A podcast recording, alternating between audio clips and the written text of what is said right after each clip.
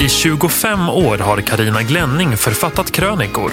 Det är en salig blandning av förnumstigheter och klavertramp. I podden Glennings gliringar läser Karina en handfull av dessa per avsnitt. Mycket nöje! Hej svejs! Här kommer avsnitt 38 av Glennings gliringar. Värst i skolan, föräldrarna. Frågan var kort och koncist från mig till min stora syster. Vilket är det största problemet i den svenska skolan, tycker du? Svaret kom blixtsnabbt och utan någon tvekan. Föräldrarna. Och jag kan garantera att majoriteten av landets lärare håller med mig. Eftersom jag har barn i mellanstadieåldern är det intressant att prata skolfrågor med min stora syster som är mellanstadielärare i Sydsverige. Men, säger jag, jag trodde att föräldrar idag var mer engagerade i sina barns skolgång och det är väl bra? Nej, de är inte mer engagerade, men de lägger sig i mer i själva undervisningen, skolans regler, vart skolresan ska gå, vem deras barn sitter bredvid i klassrummet, varför vissa ämnen överhuvudtaget existerar, varför andra ämnen inte gör det. Men på djupet är de inte mer engagerade i sina barn nu än vad de var förr i tiden. Tvärtom. Många tycker till exempel att det är skolans ansvar att uppfostra deras barn. Och när ni försöker göra det säger jag, ja, då får vi skit för det. Precis. Vi kan försöka fostra barnen, men uppfostra dem är det föräldrarna själva som ska göra. Och det finns faktiskt gränser för vad en nog så kompetent pedagog kan göra med ett barn som inte fått med sig några som helst regler eller verktyg hemifrån. I synnerhet om läraren saknar uppbackning från barnets föräldrar. Mycket har förstås blivit bättre, som vaksamheten över mobbing till exempel. När jag var liten fanns det inte på världskartan att man skulle berätta hemma ifall någon varit dum mot en eller slagit en på truten. På gott och ont påstår min syster och säger det finns barn som är väldigt manipulativa. Som till exempel lyckas slå i sina föräldrar att de är mobbade i skolan fast det är de själva som är mobbledaren. Och så berättar hon hur man på hennes skola har punktmarkerat en sån elev registrerat varje steg hon tagit och samlat bevis för en rad mindre smickrande saker som den här eleven har företagit sig. Det spelar ingen roll. Flickans mamma är övertygad om att dottern talar sanning och att skolpersonalen ljuger eller har missuppfattat läget. Eller som en annan lärare uttryckte det, nu sopar curlingföräldrarna inte bara framför stenen utan även bakom den. Ett välartat, duktigt barn har blivit ett kvitto på att man själv är en lyckad person. Inget är mitt barns fel. Allt är olyckliga omständigheter och andra barns fel. Omgivningens. Uppmärksammandet av ett barns problem i skolan upplevs som en attack mot föräldern, som individ, som om navelsträngen satt kvar.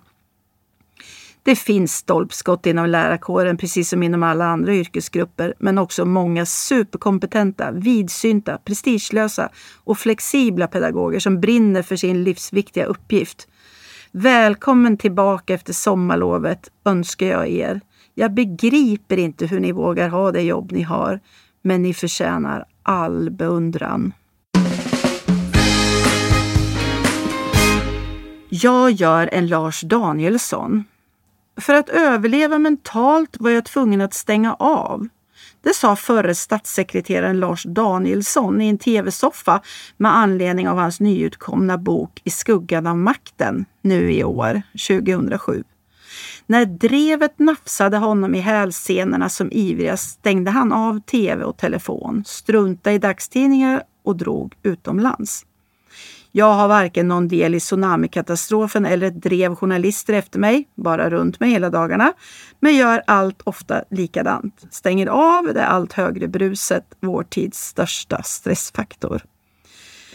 IT-samhället är fantastiskt, men suger musten ur mig. Jag blir helt slut av att vara uppkopplad, inloggad, tillgänglig och överinformerad. Så jag har gjort mig själv en lista. Saker som jag ska tänka på. Undvik köpcentrum och kvällstidningar. Du slipper köpa en massa skit du egentligen inte behöver och befrias från den stressande förändringshysterin som gapar. Så blir du smal, får bättre sexliv, så ska du ut i höst, så förnyar du ditt hem, så blir du en lyckligare individ. Handla i små affärer. Kanske är det dyrare än på stormarknaden. Å andra sidan köper du inte en massa storpack du inte behöver bara för att de är så billiga. Att slippa köer, trängsel, barnskrik och irritation är faktiskt värt en slant. Bojkotta reklamradiokanaler. Det uppskruvade flåshurtiga snacket kan aldrig vara bra för hjärtat hos folk över 30. Reklamjinglarna ska vi inte prata om. Jag tror det är de som gör hål i ozonskiktet. Prioritera tv-programmen. Det är bra med engagemang, men om du tittar på så många program om klimathotet att du blir förlamad har du ingen kraft kvar till att bli mer klimatsmart.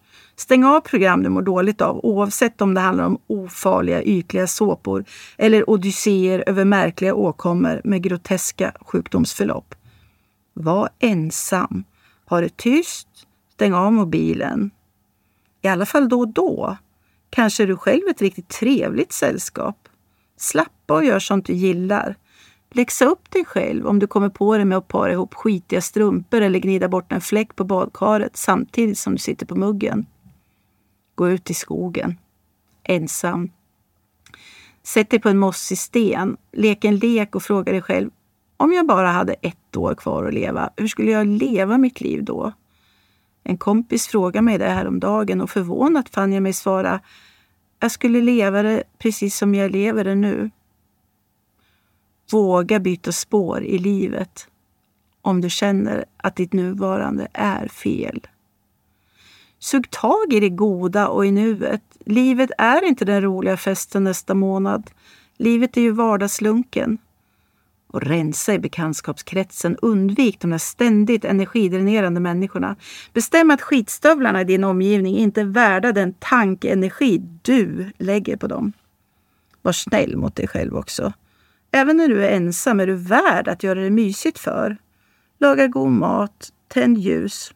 Även om det låter både dramatiskt och tragiskt så är du den enda du med säkerhet har.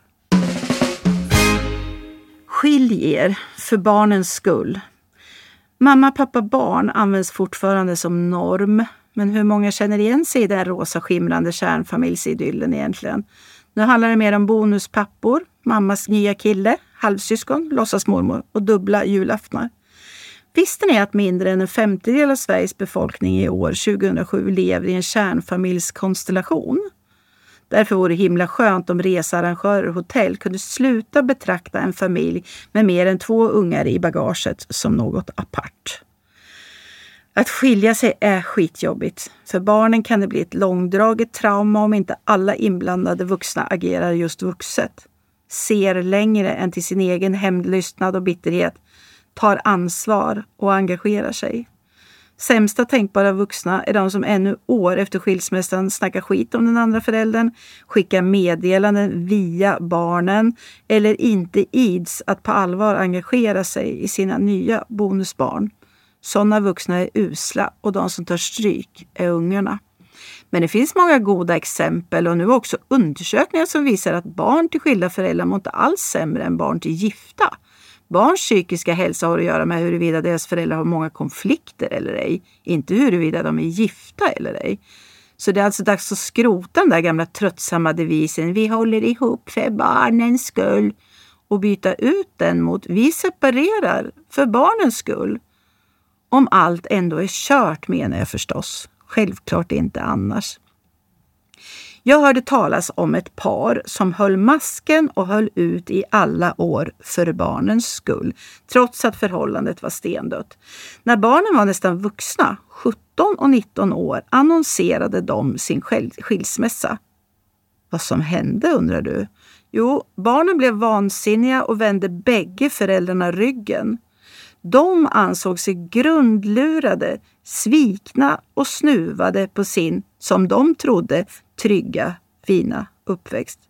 Dessutom tyckte barnen att föräldrarna med sitt agerande indirekt flyttade över skulden för sina misslyckade liv till barnens axlar. Om inte barnen hade funnits så hade ju föräldrarna separerat för länge sedan.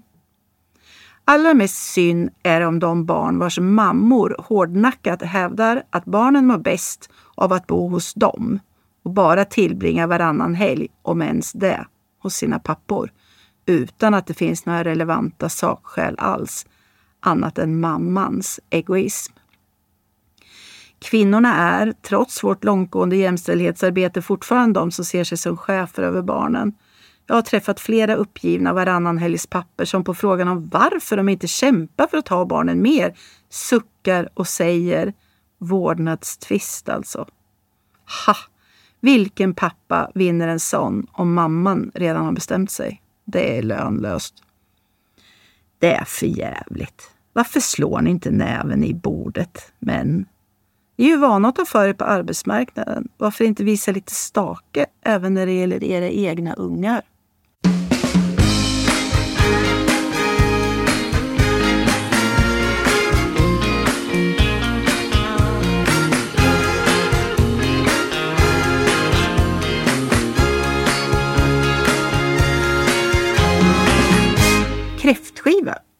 Och fyllde jag 36.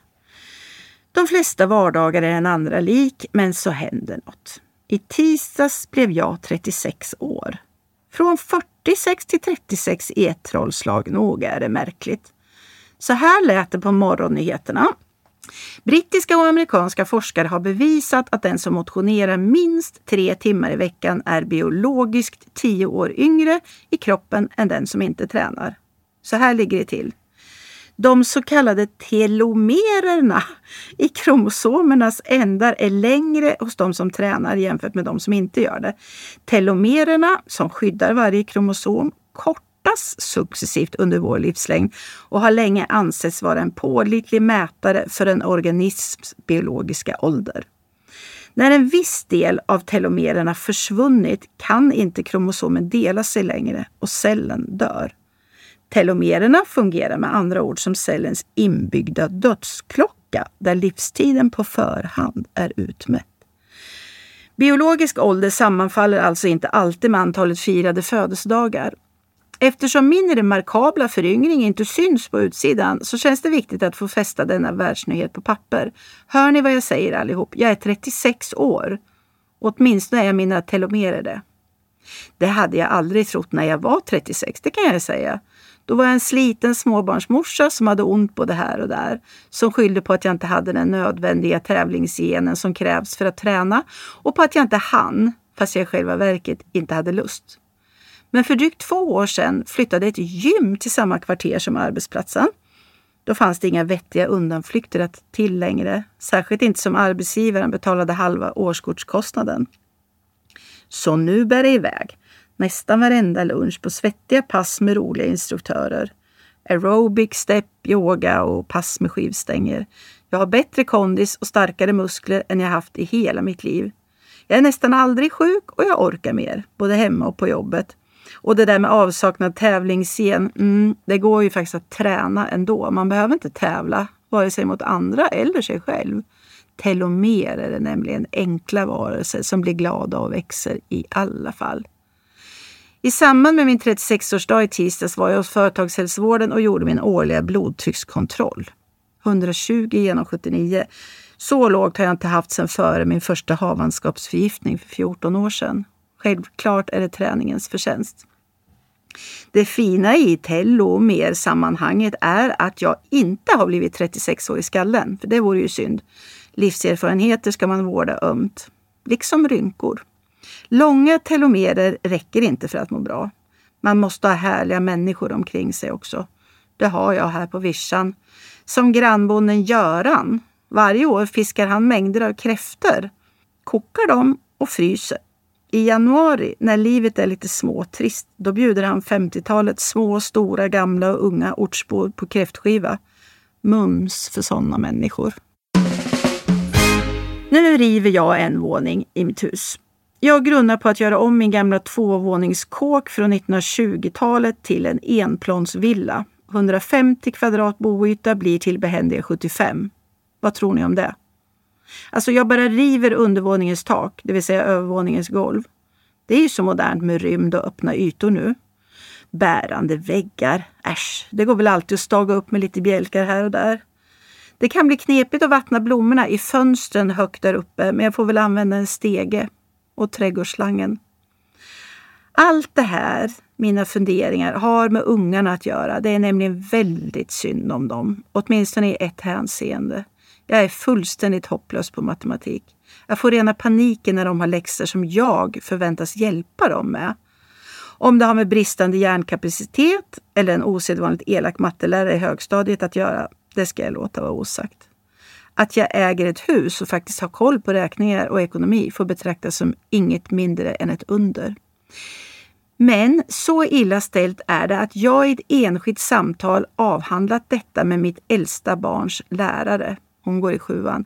Det vore ju synd om han, läraren, lever i villfarelsen att hon kan få hjälpa mig där hemma när jag i själva verket får migrän bara av att försöka förstå uppgiften när de ska räkna variabler och ekvationer. Dock har jag inte vågat yppa detta för mitt yngsta barns lärare än. Han går i fyran. Det känns en smula pinsamt att som 46-årig mamma på ett utvecklingssamtal avslöja att det börjar ryka om mitt huvud när det går upp för mig att eleverna idag räknar bråk på ett helt annat sätt än jag lärde mig på Hedenhös tid. I själva verket är alltihop regeringens fel. Jag gick i låg och mellanstadiet kring 1970 och tillhör den generation som blev utsatt för ett gigantiskt experiment som kallades den nya matematiken och mängdlära. Våra föräldrar fick gå speciella utbildningar för att kunna bistå oss hemifrån. Senare under skolgången uppmanades vi ungar att förtränga allt vi lärt oss samt lära om på ett annat sätt eftersom man funnit att pedagogiken var helt förkastlig på små barn. Numera införs mängdlära begreppet i undervisningen först på gymnasie eller högskolenivå. Nu läser jag i tidningen Nya Rön att amerikanska forskare har undersökt hur avståndet mellan golv och tak påverkar oss. Försökspersonerna ombads lösa olika uppgifter. Först fick de sitta i en lokal med 2,6 meter till taket och därefter i en lokal med 3,3 meter till tak. Och ser man på. När det var högt i tak tänkte deltagarna friare, större och mer abstrakt än i rummet med lägre takhöjd. Låt se nu. Om jag blåser bort undervåningens innertak, alltså övervåningens golv, borde jag få en takhöjd på nära 6 meter. Det vore väl tusan om jag inte ska klara fyrans matte då.